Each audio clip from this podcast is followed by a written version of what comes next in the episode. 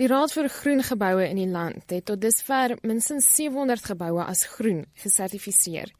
Een van die raad se bestuurders, Michelle de Nyssen, sê groen geboue is ontwerp en gebou om die gesondheid van die omgewing asook die gesondheid van mense wat in die gebou woon of werk te bevorder. Dit behels onder meer passiewe gebouontwerpe. Hoe kan ons 'n gebou ontwerp sodat ons die meeste kan maak van natuurlike lugvloei om die minste ekstras nodig te hê as ek dit so kan stel. So jy het minder elektriese lig nodig want jy gebruik baie daglig. Jy het minder verkoelingsstelsels nodig want jy gebruik die natuurlike vloei van lig.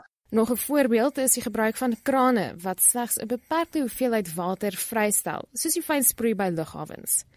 Volgens die Nyssen word 'n derde van die wêreld se koolstofdioksied emissies deur geboue vrygestel. Dit is 'n baie groot impak, maar die goeie ding is dat manier waarop geboue gebou word, is daar regte kans vir hulle om die grootste laagkoste impak te maak van verskillende bedrywe.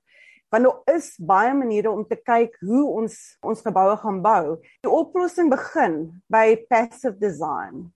En dan kyk ons na ons verbruikersoptrede in daai gebou en eers daarna begin ons kyk na hernubare energie. Die konsep is ook gewild in ander Afrika lande soos Botswana, Rwanda, Ghana en Kenia, waar die raad ook geboue as groen gesertifiseer het.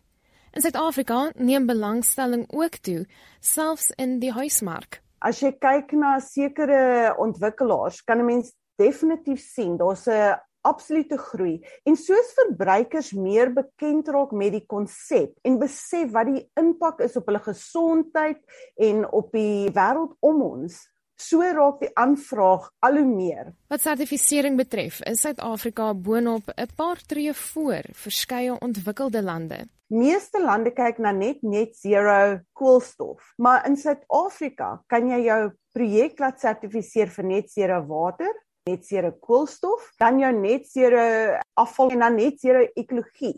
daarmee saam kan jy selfs gesertifiseer word as 'n netto positiewe gebou. As jy 'n stuk land vat wat sê maar parkeerterrein en jy bou dan op en jy haal die parkeerterrein uit en jy sit 'n inheemse tuin daar, dan kan jy net positief in jou ekologie wees. Of as jy meer water op jou stelsel vang en verwerk en hergebruik en jy kan van die skoon water aangee aan naburige geboue of so iets dan kan jy aan die positiewe kant wees. Belangstelling in die geboue word ook toegeskryf aan die finansiële voordele daaraan verbonde.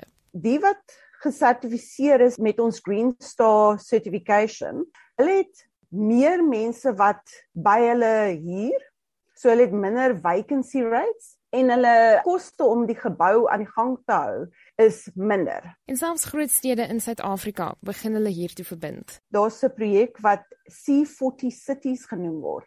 En dit is stede oral om die wêreld wat kyk om te sê alle nuwe geboue moet by 2030 koolstof negatief wees, maar by 2050 geboue wat alreeds bestaan.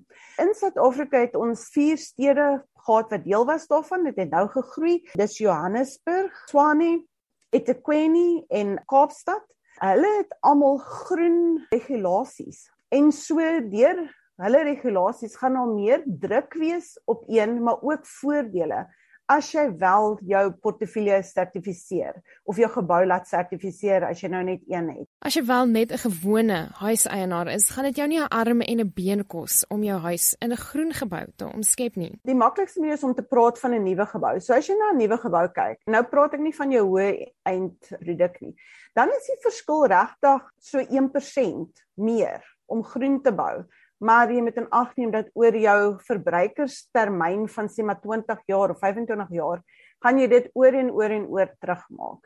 Maar selfs al hier jy net, kan jy begin deur goed te doen soos te kyk na watse tipe ligte gebruik jy, watse tipe produkte gebruik jy in jou huis, wanneer jy jou yskas gaan koop, wat is sy energiegebruik? Hoe is jou insulasie in jou huis? Dit is 'n baie groot ding. As ons nie kyk na jy weet waar verloor ons sê maar hitte of waar kry ons te veel hitte in sulke goed dit was 'n bestuurder by die Suid-Afrikaanse Raad vir Groen Geboue Michelle de Nyssen Sy sê die raad beoog om teen Oktober 'n katalogus te publiseer wat meer besonderhede bevat oor hoe jy jou eiendom se infrastruktuur groener kan maak.